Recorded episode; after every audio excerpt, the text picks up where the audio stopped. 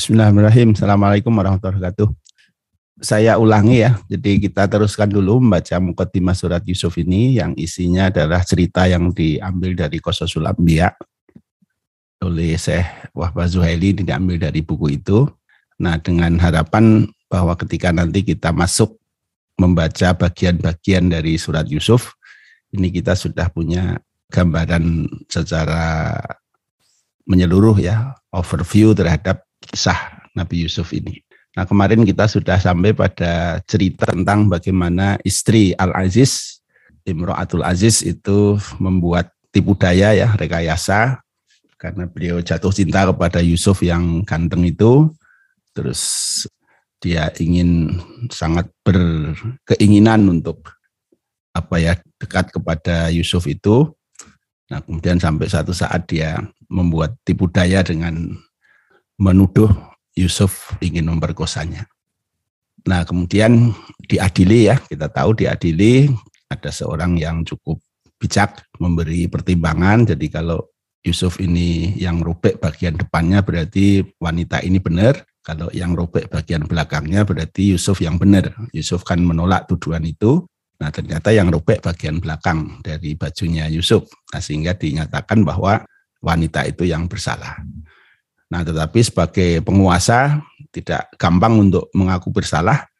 Karena itu Yusuf dijebloskan ke penjara dalam rangka untuk liyuhma sum'ata imro'atihi ya.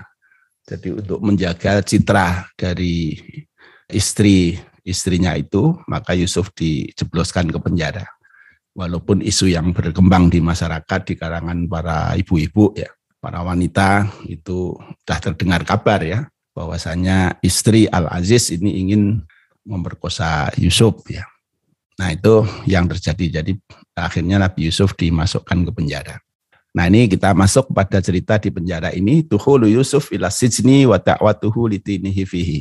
Jadi masuknya Yusuf ke penjara dan dakwahnya Nabi Yusuf untuk agamanya di dalam penjara itu. Wa udkhila Yusuf as Dan Yusuf dimasukkan ke penjara Watakholama ahusisna fatayani dan bersama Yusuf ini ada dua orang pemuda yang dimasukkan juga ke penjara. Ahaduhuma ro'isul khubbazin indal malik. Yang pertama adalah kepala chef, tukang rotinya Malik itu. Wasani ro'isus sikotihi. Yang kedua adalah kepala pelayan, tukang menyiapkan minum bagi raja itu. Faro'a asani fi manamihi annahu yu'siru fi ka'sil maliki khomran. Pada satu saat, orang kedua, pemuda yang kedua ini bermimpi bahwa dia memeras anggur khomer ya di dalam gelas dari rajanya. Waro'a al-awwal annahu yahmilu fawqa ra'si khubzan wa tayran ta'kulu minhu. Kemudian pemuda yang pertama, tukang roti tadi, dia bermimpi bahwa dia membawa roti di atas kepalanya, tapi kemudian roti itu dimakan oleh burung-burung. Watolaba min Yusuf takbir ru'ya. Kemudian keduanya meminta kepada Yusuf untuk menjelaskan makna dari mimpi itu. Fa'adhara Yusuf miqdaratuhu ala ta'wili ru'ya. Maka Yusuf pun menunjukkan kapasitasnya untuk mentakwil mimpi itu, menjelaskan arti dari mimpi itu. Walakin nahu kota malidhalika bida'watihi as-sujana ila tauhidillah tapi dia dahului jadi sebelum dia mau menjawab tentang mimpinya itu dia dahului dengan menyampaikan dakwahnya kepada orang-orang penjara itu bagaimana mengajak kepada tauhidullah. ilan nisohibaihi dia mengatakan kepada kedua temannya ini, teman masuk penjara itu ya. A'arbabun mutafarriquna khairun amillahul wahidul qahar. Ini sebenarnya bagian akhir saja dari dakwah Nabi Yusuf itu ya agak panjang di, di ayat-ayat sebelumnya uh, ajakan-ajakan untuk bertauhid ya. Tapi yang terakhir ini arbabun mutafarriquna apakah Tuhan-Tuhan yang bermacam-macam itu khairun lebih baik amillahul wahidul qahar ataukah Allah yang maha satu ya al-wahid yang esa al-qahar yang maha berkuasa. Nah ini jadi beliau menanamkan dulu nilai-nilai akidah kepada dua orang ini, baru kemudian beliau menjawab tentang makna dari mimpi dari keduanya itu. Nah, ini bagaimana memanfaatkan peluang ya, memanfaatkan peluang untuk berdakwah ya. Ketika posisi beliau ini kuat ya, jadi karena beliau ditanya sesuatu yang mereka berdua menganggap Nabi Yusuf ini punya kelebihan dalam hal itu, nah maka posisi kelebihannya ini digunakan untuk mendakwahi kedua orang yang bertanya itu. Nah, saya kira ini sesuatu yang menarik ya untuk kita ambil pelajaran ya. Jadi kalau kita punya posisi-posisi yang baik di dalam kehidupan sehari-hari kita, apakah itu di masyarakat kita, apakah di kantor kita, apakah di perusahaan kita atau di mana saja. Nah, ini gunakanlah posisi itu untuk menyampaikan nilai-nilai kebenaran. Jadi jangan hanya day to day ya eh, business as usual ya. Jadi biasa-biasa aja begitu terus ya sebagaimana orang-orang lain juga menjalankan kesehariannya kayak begitu ya. Nah, kita ini kan orang-orang yang sudah memahami bahwa dakwah ilallah ini adalah bagian dari kehidupan kita. Nah, karena itu ya jangan menyia-nyiakan peluang untuk kita menggunakan segala hal yang mungkin pada posisi-posisi kita untuk menyampaikan dakwah itu. Wa qala lisaki innahu yasqarabahu khamran. Maka kemudian Nabi Yusuf menjawab kepada tukang memberi minumnya itu bahwa ya dia nanti akan memberi minum khamr kepada tuannya itu. Nah, kemudian kepada orang yang pertama, innahu sayuslab fatakul at-tayra min ra'sihi. Bahwasanya dia nanti akan disalib Nah, sehingga nanti burung-burung akan makan bangkai dia itu dari atas kepalanya. Ini orang yang kedua ini nanti akan disalib, kalau yang satu ini enggak. Wa ta'ammal Yusuf al-Farad wa qala liman annahu najin min huma. Nah, maka dengan jawabannya itu Yusuf berpikir suatu saat dia akan bisa dapat keluar dari penjara itu. Wa qala liman dhanna annahu najin min huma, maka kemudian dia berpesan kepada salah satu dari keduanya yang kira-kira nanti akan selamat. Jadi yang tadi tukang pemberi minum yang tafsir mimpinya itu dia hanya ya dia nanti paling diminta untuk menyiapkan minuman keras lah kepada rajanya itu. Nah kalau yang satunya dia akan disalib. Nah ini tidak akan selamat ini yang akan disalib ini. Karena itu kepada orang yang memberi minum itu dia berpesan ya, dia pesan uzkurni inda rabbika ceritakanlah tentang saya ini di depan tuanmu. Robika di sini bukan Tuhan ya, tapi tuan. Jadi tuanmu yang tadi Al Malik itu ya. Jadi maksudnya bahwa Yusuf ini bisa mentakwil mimpi gitu. Fa'ansahu syaitanu rabbihi, tapi ternyata setan membuat orang ini lupa untuk bercerita kepada tuannya itu. Sehingga dia setelah keluar, nah, fala bisa fisis nibit asinina, maka Nabi Yusuf tetap berada di dalam penjara sampai beberapa tahun ya. Di karena lupa si si orang ini dilupakan ya. Tidak bercerita kepada tuannya itu. Nah kemudian Ru'yal Malik. Ini ada kejadian lain ketika sang penguasa itu bermimpi. Summa ro'a al-malik an-nasab abaqaratin simanin yakulhunna sab'un ijafun. Penguasa itu mimpi ada tujuh sapi yang gemuk-gemuk tapi dimakan oleh tujuh sapi yang kurus-kurus.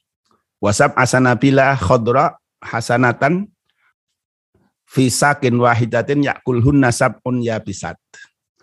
Kemudian ada dia mimpi juga ada tujuh bulir gandum yang seger hijau yang bagus di dalam satu wadah. Nah, dimakan oleh tujuh gandum yang kering. Jadi ini mimpinya sapi dimakan sapi, gandum dimakan gandum ya, tidak masuk akal. Yang namanya mimpi, masa suruh masuk akal mimpi, ya terserah aja mimpi. Fata'a bis saharati li su'alihim an ta'wilil manam. Maka kemudian penguasa ini mengundang tukang sihirnya untuk bertanya kepada mereka tentang makna dari mimpinya itu. Faqalu adghasu ahlam. Mereka mengatakan, ah ini mimpi kosong saja ini, enggak ada maknanya.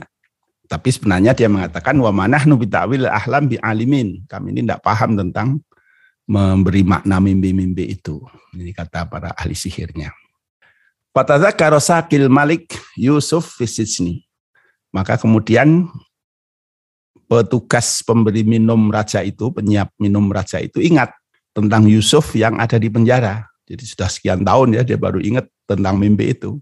Fa'aradul amru alal malik, maka kemudian dia menyampaikan tentang kemampuan Yusuf untuk menampilkan mimpi itu kepada penguasa itu. Fawafaqa ala ayursilahu ila sisni liya'tiya lahu bitafsir as-sahih lil manam.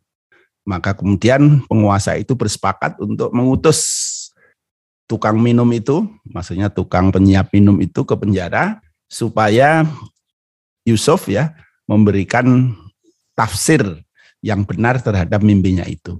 Faja'ahu fihi. Maka kemudian si tukang pemberi minum itu datang mendatangi Yusuf di penjara itu. Summa'ata bil jawabi ilal malik dan membawa pulang jawaban kepada Malik. Fakal al Malik itu Nabi Yusuf. Nah, bawa Yusuf ke sini. Fa'aba Yusuf al khurus minasis nih. Tapi Yusuf menolak untuk keluar dari penjara hatta tadhara bara'atahu wa haqiqata amrahu ma'an nisa. Sampai kemudian diumumkan tentang bebasnya dia dari tuduhan dan hal yang sebenarnya terjadi terkait dengan wanita-wanita itu. Maksudnya dia kan di penjara karena dituduh akan menyelingkuhi istri raja itu. Nah, padahal sebenarnya dia kan tidak begitu. Jadi dia di penjara hanya untuk dikorbankan ya untuk menutup menutup isu perilaku dari istri penguasa itu. Nah, ketika Yusuf mau dikeluarkan dari diminta keluar dari penjara untuk menjelaskan mimpinya itu, dia tolak. Nah, ini bargain ya, dia bargain dengan penguasa itu. Saya mau keluar menjelaskan mimpi itu, tapi syaratnya saya diumumkan dulu kalau saya tidak bersalah dalam konteks itu ya Fa'ahdarahunna malik wa sa'alhunna anhu kulna hasya lillahi ma'alimna alaihi min su. Kemudian para wanita didatangkan oleh penguasa itu dan dia bertanya tentang Yusuf. Maka para wanita itu mengatakan, nah hasya lillahi ma'alimna alaihi min su. Ini sejenis Masya Allah gitu ya. Kami tidak tahu sedikit pun bahwa Yusuf ini orang yang buruk. Wa akorat imra'atul aziz bi Dan kemudian istri Al-Aziz, istri dari penguasa itu yaitu Zulaikha, dia pun akhirnya menyatakan bahwa Yusuf bukan orang yang berperilaku buruk itu. Jadi dia menyatakan bukan Yusuf yang bersalah. Wa qalat al-ana hasasal haq wa ana ana rawatuhu an nafsihi wa innahu laminas Jadi saya sekarang sampaikan yang benar, sayalah yang sebenarnya berminat, berkehendak terhadap dia dan dia orang yang benar bahwa dia menghindar itu benar. Jadi saya yang sebenarnya ini kata istri penguasa itu ya, bahwa saya yang sebenarnya berkeinginan kepada dirinya dan bukan dia yang berkeinginan kepada saya. Dari kaliyak lama anilam akun hubil ghaib kata Yusuf. Nah ini supaya kenapa saya harus dinyatakan bebas itu? Nah supaya penguasa itu tahu bahwa saya tidak pernah mengkhianati dia ketika dia tidak ada. Jadi itu kasusnya kan ketika raja itu dikira sedang pergi ya, kemudian Zulaikha ini berusaha untuk merudo peksa Yusuf itu ya. Nah, kemudian ternyata pas terjadi peristiwa itu, raja itu datang di depan pintu. Ya. Nah, ini Yusuf mengatakan, nah ini penting ya, pernyataan-pernyataan bahwa saya tidak melakukan itu supaya engkau tahu, penguasa itu tahu bahwa saya pun tidak pernah berkhianat kepada dia, ketika dia tidak ada. Wa annallaha la yahdi dan Allah sungguh tidak memberi hidayah kepada orang-orang yang berkhianat. Wa ma ubari'u nafsi, ah, ini kata-kata dari istri penguasa itu dan tidaklah aku akan membebaskan nafsuku inna nafsa lamaratun bisu karena sesungguhnya nafsu itu akan cenderung memerintahkan membawa kepada yang buruk illa ma kecuali yang dirahmati oleh Tuhanku. Inna rabbi rahim, sungguhnya Tuhanku maha pengampun, maha penyayang. Wa ayatu wa ma ubari nafsi bin qawli imra'atil aziz la min qawli Yusuf. Jadi kata-kata wa ma ubari nafsi ini ya, ini bukan kata-kata Yusuf, tetapi ini adalah kata-kata dari istri penguasa itu. Kamayat kurubatul mufassirin khotoan, sebagaimana sebagian mufassirin menyebut ini kata-kata Yusuf, ini keliru. Ini yang betul menurut saya Zuhaili adalah ini kata-kata dari istri penguasa itu. Nah ini jadi ini ketika beliau Yusuf ya diminta memberi tafsir mimpi, Nah, sementara rajanya ini kan gelisah juga ya, dia mimpi kok mimpinya aneh gitu. Ada tujuh sapi yang gemuk dimakan tujuh sapi kurus, tujuh bulir gandum yang seger bagus dimakan oleh tujuh gandum yang kering. Nah, ini gelisah beliau penguasa ini. Kemudian dia tanya kepada ahli sihirnya, ternyata tidak bisa memberi jawaban. Nah, kemudian diberitahu bahwa ada yang ahli itu yaitu Yusuf di penjara. Nah, Yusuf gunakan untuk bergaining. Boleh saya ceritakan, saya beritahu nanti apa tafsirnya. Tapi saya harus dikeluarkan dulu dari penjara dan dinyatakan tidak melakukan kejahatan sebagaimana alasan ketika saya dimasukkan penjara ini. Nah, terpaksa ya karena kegelisahan raja ini melebihi apa usaha dia menutup isu itu. Isu itu sudah lama juga orang sudah lupa ya. Karena sudah berapa tahun. Nah, tapi kemudian raja itu bersedia. Akhirnya didatangkanlah wanita-wanita itu termasuk istrinya ya. Menurut para wanita yang didatangkan, mereka mengatakan Yusuf ini orang baik, tidak mungkin dia yang melakukan itu. Nah, akhirnya istrinya ini agak terpojok, dia mengaku ya, ya memang saya lah yang dulu apa ber, berkeinginan terhadap Yusuf itu bukan dia gitu. Nah inilah yang kemudian Yusuf dinyatakan ya dinyatakan tidak bersalah, kemudian dia dibebaskan dari penjara. Penguasa itu juga semakin yakin bahwasanya Yusuf tidak berkhianat kepada dirinya, tetapi istri dia yang tidak beres gitu ya. Nah karena itu akhirnya nanti Yusuf ini diberi kepercayaan tinggi oleh oleh raja ini ya, oleh penguasa ini di samping karena ilmunya dia bisa mentakwil mimpi-mimpi itu, nah juga karena rasa kepercayaan kepada Yusuf yang meyakinkan kepada raja itu bahwa ketika dia tidak ada pun dia tidak pernah berkhianat. Nah ini membangun kepercayaan kepada penguasa itu. Nah berikutnya huruju Yusuf minasijni ilal qasri. Keluarnya Yusuf dari penjara ke istana. Wa kharaja Yusuf minasijni bari'an minat tuhmah. Yusuf keluar dari penjara dengan terbebas dari seluruh tuduhan. Wasalahul malik an ayyi amalin yardahu li. Kemudian penguasa itu bertanya, sekarang kamu pengen apa? Jadi apa yang kamu inginkan? Faqala Yusuf ij'alni ala khazainil ard. Nah, ini Yusuf juga karena dia sudah tahu penguasa itu cukup percaya kepada dia, dia ditanya, kamu pengen jadi apa sekarang? Jadi setelah di istana ditanya begitu, nah Yusuf mintanya juga tidak tanggung-tanggung ya. Is'alni ala inil ardi. Jadikan aku sebagai menteri yang mengurus seluruh kekayaan. Faja'alahu ala kulli ardi Masr. Maka kemudian eh, penguasa itu menjadikan Yusuf menjadi pengurus kekayaan seluruh Mesir. Wasahibul amri wa nahyi dan bahkan diberi hak untuk memerintah dan melarang. Wawaziran lil maliyah wa tijarah wa riasatul hukmi dan menjadi menteri urusan harta, bisnis, urusan harta, perdagangan dan riasatul hukmi. Riasatul hukmi yaitu tentang urusan-urusan kehakiman. Wajah Allah khatimahu fi yati Yusuf alladhi asbaha umruhu salasina sanatan dan kuncinya ada di Yusuf yang waktu itu umurnya baru 30 tahun. Di 30 tahun sudah dipercaya menjadi menteri yang sangat berperanan ya di dalam negara itu. Nah, talabu ikhwati Yusuf atau amaminhu. Ini permintaan saudara-saudara Yusuf, permintaan makanan minhu dari Yusuf. Wabarat asanawatu sabil muhsobati sumaja'at asabul mujtabati. Nah, berlakulah tujuh musim yang baik subur ya. Tadi mimpinya itu ya, yang produksi hasil-hasil pertanian bagus, sapi-sapi pada gemuk ya. Semajaat asabul mustabati, kemudian datanglah tujuh, tujuh tahun ya, tujuh tahun yang sulit. Bapak Yusuf al-Masriyin min mahazinil qamhi alatikana qad ittaharaha asna al-khosab. Maka kemudian Yusuf pada saat musim sulit itu ya menjual cadangan-cadangan gandum yang sudah dia timbun pada saat musim bagus.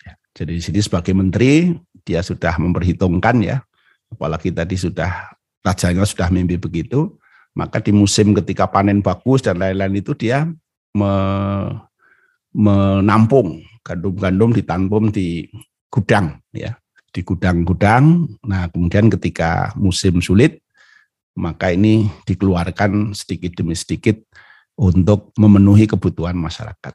Sumaja ahu ahlu Palestin. Kemudian datang kepada dia penduduk Palestina. Nah, termasuk Palestina ya. Mereka kesulitan untuk dapat makan dari sana, kemudian mencari ke Mesir. Wa arsala Yaqub auladahu ma'al jamal wal hamir li ta'amin Masr. Nah, Yakub bapaknya Yusuf ya, yang masih di Mesir, menyuruh anak-anaknya dengan membawa unta, membawa himar ya, untuk membawa makanan dari Mesir. Maksudnya membeli ya. Falam makodamu arafahum Yusuf walam ya'rifuhu. Ketika orang-orang ini datang, Yusuf mengetahui mereka ini siapa. Ini kan kakak-kakaknya ya. Yusuf ini anak Ragil ya. Ini kakak-kakaknya ini. Walam ya'rifuhu tetapi mereka tidak mengenali Yusuf ya sudah lupa ya. Yusuf dulu dibuang di sumur waktu masih kecil. Nah ini sudah usia 30 tahun, sudah jadi menteri, tidak kebayang oleh mereka bahwa anak adik mereka yang mereka buang itu ternyata jadi menteri di Mesir. In asbaha fisinil arba'in, ketika itu dia berumur 40 tahun. Nah 40 tahun lagi malah. Wa talaba minhum ayatuhu bi akhin lahum min abihim marratan ukhra wa atahum at'am bila samanin. Nah, kemudian Yusuf ini meminta kepada saudara-saudaranya itu ya untuk mengajak juga saudara laki-laki dia ya pada kesempatan yang lain. Jadi nanti kalau ke sini lagi ajak semua saudaramu. Waktu itu ada satu orang yang tidak diajak yaitu yang barep namanya Bunyamin. Bunyamin ya. Ini anaknya ya Yakub yang paling barep yang tidak diajak. Wa atau mato'am bila samanin. Kemudian pada saat pertama itu Yusuf memberi saja apa memberi saja bahan-bahan makanan itu dimasukkan ke wadah-wadah mereka di yang dibawa kuda dan keledai itu ya. Bila samanin tanpa dengan harga. Maksudnya tidak bayar. Lihat tuh bi akhihim tuna ayak lamu annahu ratta alaihim saman. Jadi supaya nanti mereka datang lagi dan mereka tidak tahu bahwasanya Yusuf mengembalikan harganya itu. Jadi mereka membayar dengan emas waktu itu ya. Nah, emasnya ini oleh Yusuf dimasukkan lagi ke dalam wadah-wadahnya itu ditutupi dengan bahan-bahan makanan itu. Nah, mereka ini punya akhlak yang baik ya. Jadi tidak mau mereka untuk membawa sesuatu yang bukan hak dia. Karena itu nanti pasti mereka akan kembali lagi untuk mengembalikan emas itu karena itu tahu itu bukan bukan milik dia gitu. Wa wada'a nukutahum fi awiyatihim li'annahum saya'uduna biha ilaihi li'annahum la yaqbaluna ma lahum. Dan dia masukkan uangnya itu, uang emas, emas itu di dalam wadah-wadah mereka dan pasti mereka nanti akan kembali lagi karena pasti mereka tidak akan mau menerima sesuatu yang bukan milik mereka. Ini ya.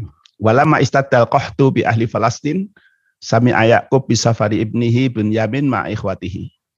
Maka ketika musim panas kembali menimpa orang-orang Palestina, Yakub membolehkan anaknya yang barep ya Bunyamin untuk pergi bersama dengan saudara-saudaranya itu. Falam damu ahsana Yusuf diafatahum wastiqbalahum fi hafli rida idhran. Ketika mereka datang, maka Yusuf menyambutnya dengan luar biasa baik. Nah, disambut dengan pesta makan siang. Ya. Walakinnahu lam yakul ma'ahum Syarian ala adatil masriyin alladzina ya'tabiruna akla ma'al ibraniyin najasatun. Tapi Yusuf sendiri tidak mau makan bersama mereka. Ini untuk menjaga adat istiadat orang-orang Mesir di mana mereka tidak mau makan bersama dengan orang-orang Ibrani, orang Yahudi ya. Karena menganggap makan bersama orang-orang Yahudi itu najis. Ini adatnya orang Mesir dulu begitu. Wa ahbaru khotiman li Yusuf annahum atu bil fiddah samanut ta'am sabikon wa bi fiddatin ukhra li syira'il qamhi. Nah, mereka memberitahu kepada para pelayannya Yusuf itu ya yang ditugasi menyiapkan makan-makan itu supaya disampaikan kepada Yusuf bahwa mereka datang dengan membawa uang harga dari makanan yang mereka beli sebelumnya yang tadi ya Jadi Yusuf masukkan di dalam wadah-wadahnya supaya nanti kembali lagi. Ya ini begitu. Loh kok ternyata uangnya masih di sini. Nah ini harus kita kembalikan. Akhirnya dia datang dengan membawa itu dan dia membawa uang yang lain untuk membeli gandum yang baru lagi. Ailatu Yusuf fi ibqa yakhihi indahu. Ini hilah, hilah itu apa ya? Rekayasa, rekayasanya Yusuf supaya Binyamin tetap bersama dengan Yusuf, tidak pulang gitu ya. Amar Yusuf bitazhizi ikhwatihi minat ta'am. Yusuf memerintahkan untuk para pegawainya ya, itu menyiapkan makanan-makanan yang dibutuhkan oleh saudara-saudaranya ini. Maksudnya bahan-bahan makanan ya, disiapkan dia di di wadah-wadah keranjang-keranjang yang akan dibawa pulang oleh saudara-saudaranya itu. Wa amara an wahidin fi adlihi wa ayyudu asawa al malik fi rahli akhihi pun yamin. Kemudian dia perintahkan untuk menaruh setiap wadah dari saudaranya itu ya sesuai dengan harganya. Kemudian dia tambah dengan sawaul malik fi rahli akhihi pun yamin. Dia nambah dengan apa ya kayak gelas ya, gelas emas milik raja, milik penguasa di dalam rahli akhihi pun yamin. Jadi di dalam kendaraan kuda atau keledai ya, yang itu punyanya Bunyamin. Jadi di wadah makanan-makanan itu ya, keranjangnya itu dia masukkan di sesel kayak gitu, ini suwa al malik ini. Wa indama azamu alal masir, kemudian ketika mereka berniat untuk berangkat pulang ke Palestina, nutu bi annahum saroku sikoyatal malik. Maka mereka dituduh telah mencuri gelasnya raja itu. Wa anna man saraqahu fahuwa fita'uhu fi malik. Maka yang terbukti dia sebagai pencurinya, dia sebagai tahanan menurut undang-undang atau peraturan dari penguasa itu. Nah, jadi ini ada gelas emas dari raja yang hilang. Nah, ini pasti ini salah satu dari kalian yang mengambilnya. Nah, di dalam hukum Mesir saat itu siapa yang kedapatan dia mencuri, maka orangnya itu yang ditahan sebagai tebusan terhadap benda yang dicurinya itu.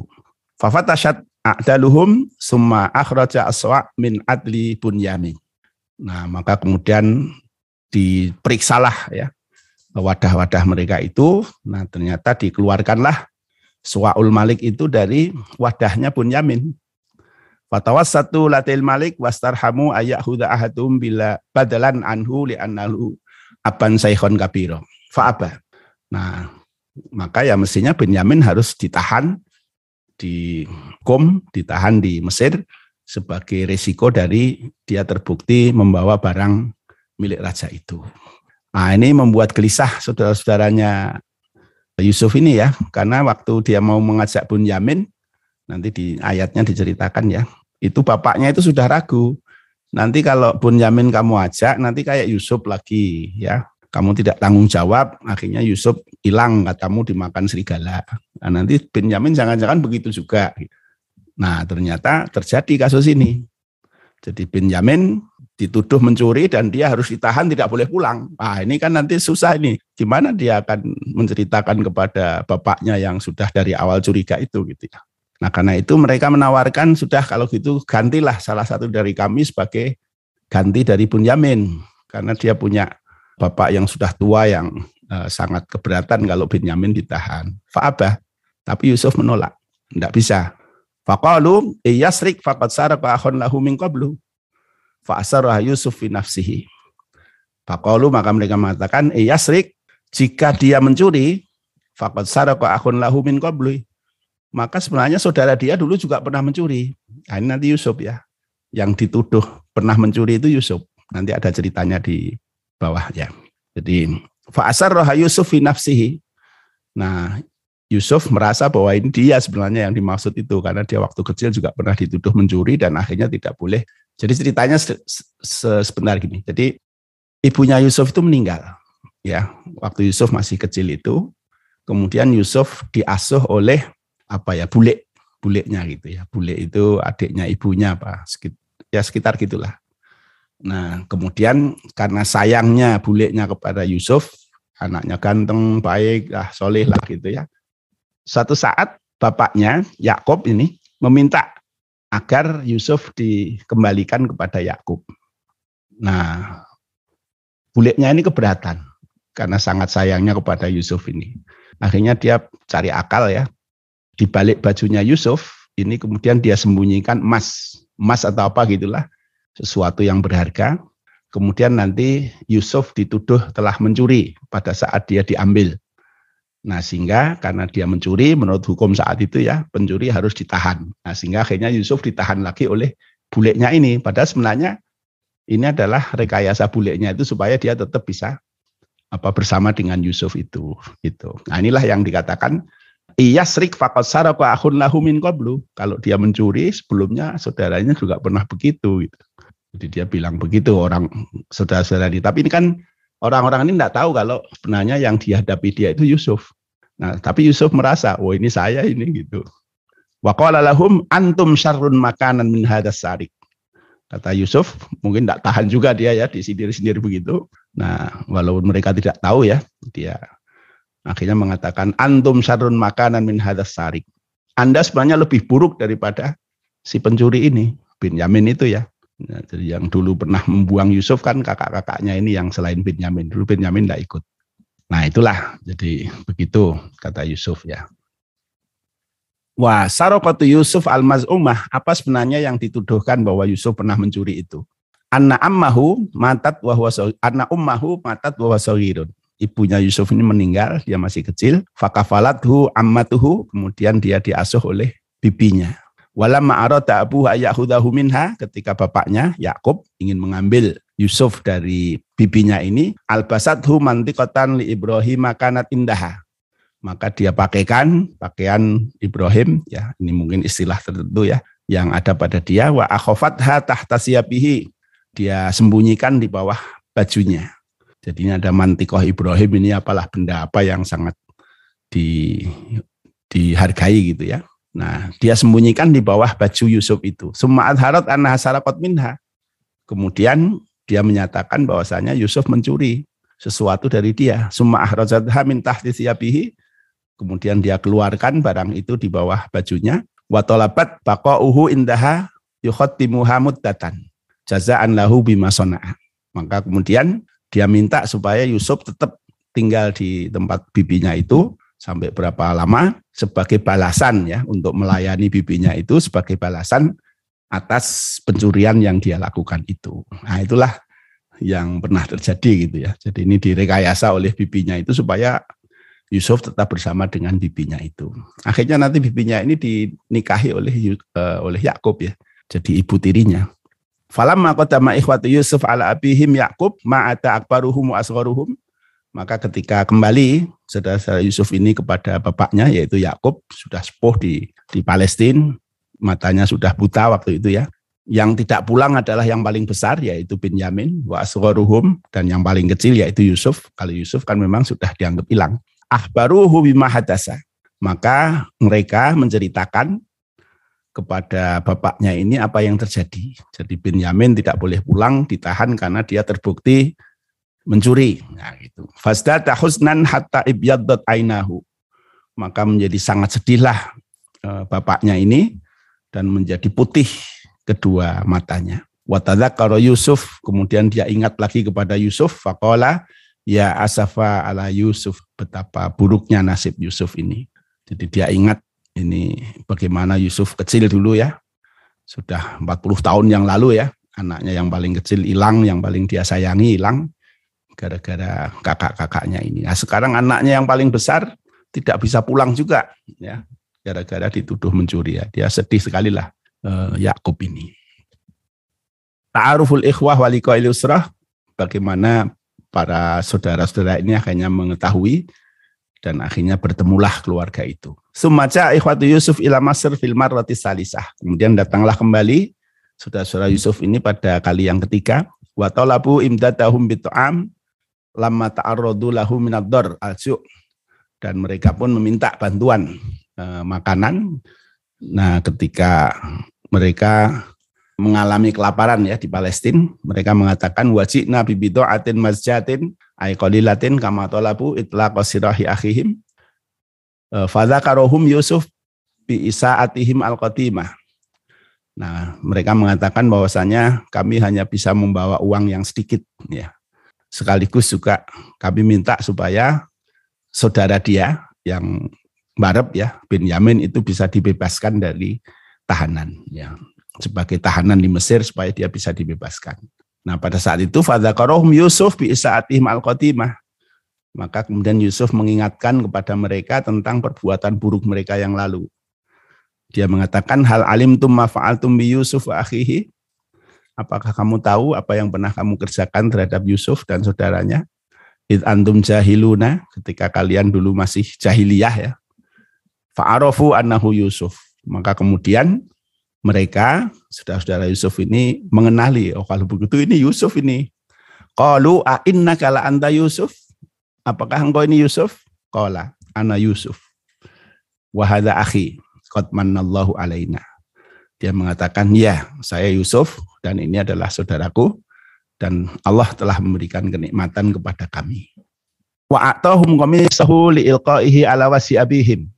Kemudian Yusuf memberikan bajunya untuk disentuhkan kepada wajah bapaknya. Bapaknya sudah buta ya, jadi supaya dibau oleh bapaknya ini. Wal ityanu bi ahlihi asma'ina ilaihi dan kemudian dia minta Yusuf minta supaya seluruh keluarganya dibawa ke Mesir.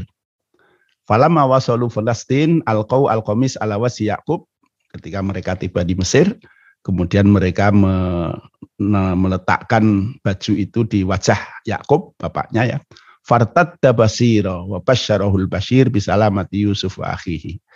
Maka kemudian dia langsung paham dan senang bahwa ini adalah Yusuf ya berarti Yusuf dan saudaranya ini selamat gitu jadi sampai bau bajunya saja masih apal ya padahal sudah 40 tahun yang lalu itu ya dia masih apal dengan baju baunya Yusuf itu Faja Yaqub wa alihi ila Mesir fa Yusuf ilaihi abawahi. Yakub wa zaujahu khalatu Yusuf. Maka kemudian Yakub dan seluruh keluarganya dibawa ke Mesir.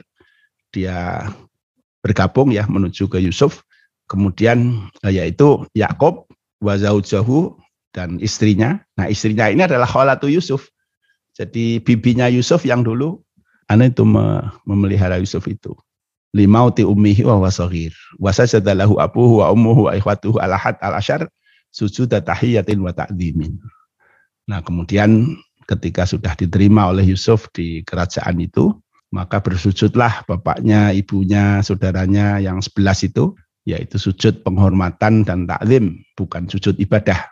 Watilkah ya ta'wilu ru'yah sabiqah bisujudi ahadi asyara kaukaban lahu ma'asyamsi wal qamar. Inilah takwil mimpi dia waktu kecil ya yang dia pernah sampaikan kepada Yakub pada saat kecil itu Yusuf pernah bermimpi ada 11 bintang matahari dan bulan bersujud kepadanya. Nah, kemudian waktu itu Nabi Yakub mengatakan kamu jangan ceritakan mimpimu itu kepada kakak-kakakmu ya. Jadi cukuplah ini kamu sembunyikan. Nah, ini takwilnya ini. Jadi maknanya adalah datangnya 11 orang saudaranya Yusuf. Nah, Asyamsu ini bapaknya, Al-Qamar ini ibunya, ibu tirinya itu ya. Wa kana hadzal liqa farhatan kubra lil usrah bi asati. Nah, ini adalah sebuah kegembiraan yang luar biasa bagi keluarga itu di bawah kepemimpinan Nabi Yakub. Istaujabat min Yusuf i'lana syukrillahi ta'ala alaihi minal ilmi wal mulki wa talabin mannallahu ta'ala ayatawallahu dunya wal akhirah. Dan ini adalah bentuk dikabulkannya Yusuf, doa-doa Yusuf ya. Dan Yusuf menyatakan syukurnya kepada Allah atas nikmatnya yang berupa ilmu ya. Dia memiliki diberi oleh Allah ilmu mampu menakwilkan mimpi-mimpi dan juga kekuasaan. Kemudian dia juga minta kepada Allah untuk diberi kekuasaan di dunia dan akhirat.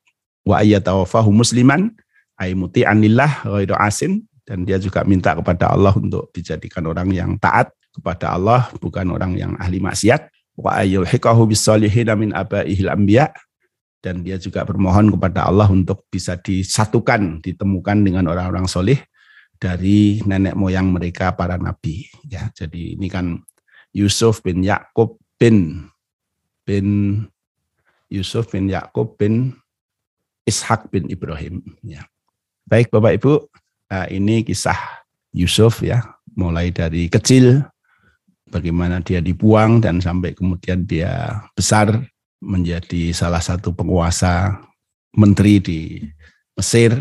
Kemudian pada saat itu dia mengumpulkan atau memindahkan seluruh keluarganya dari Palestina ke Mesir untuk bisa mengatasi kesulitan-kesulitan keluarga besarnya ini. Wallah alam bisawab, saya kira untuk pagi hari ini kita cukupkan dulu sekian ya. Walaupun belum jam 7 enggak apa-apa. Nah, tapi nanti insya Allah mulai pekan depan kita masuk kepada tafsir ayat bilayah. Bila itu Assalamualaikum warahmatullahi wabarakatuh.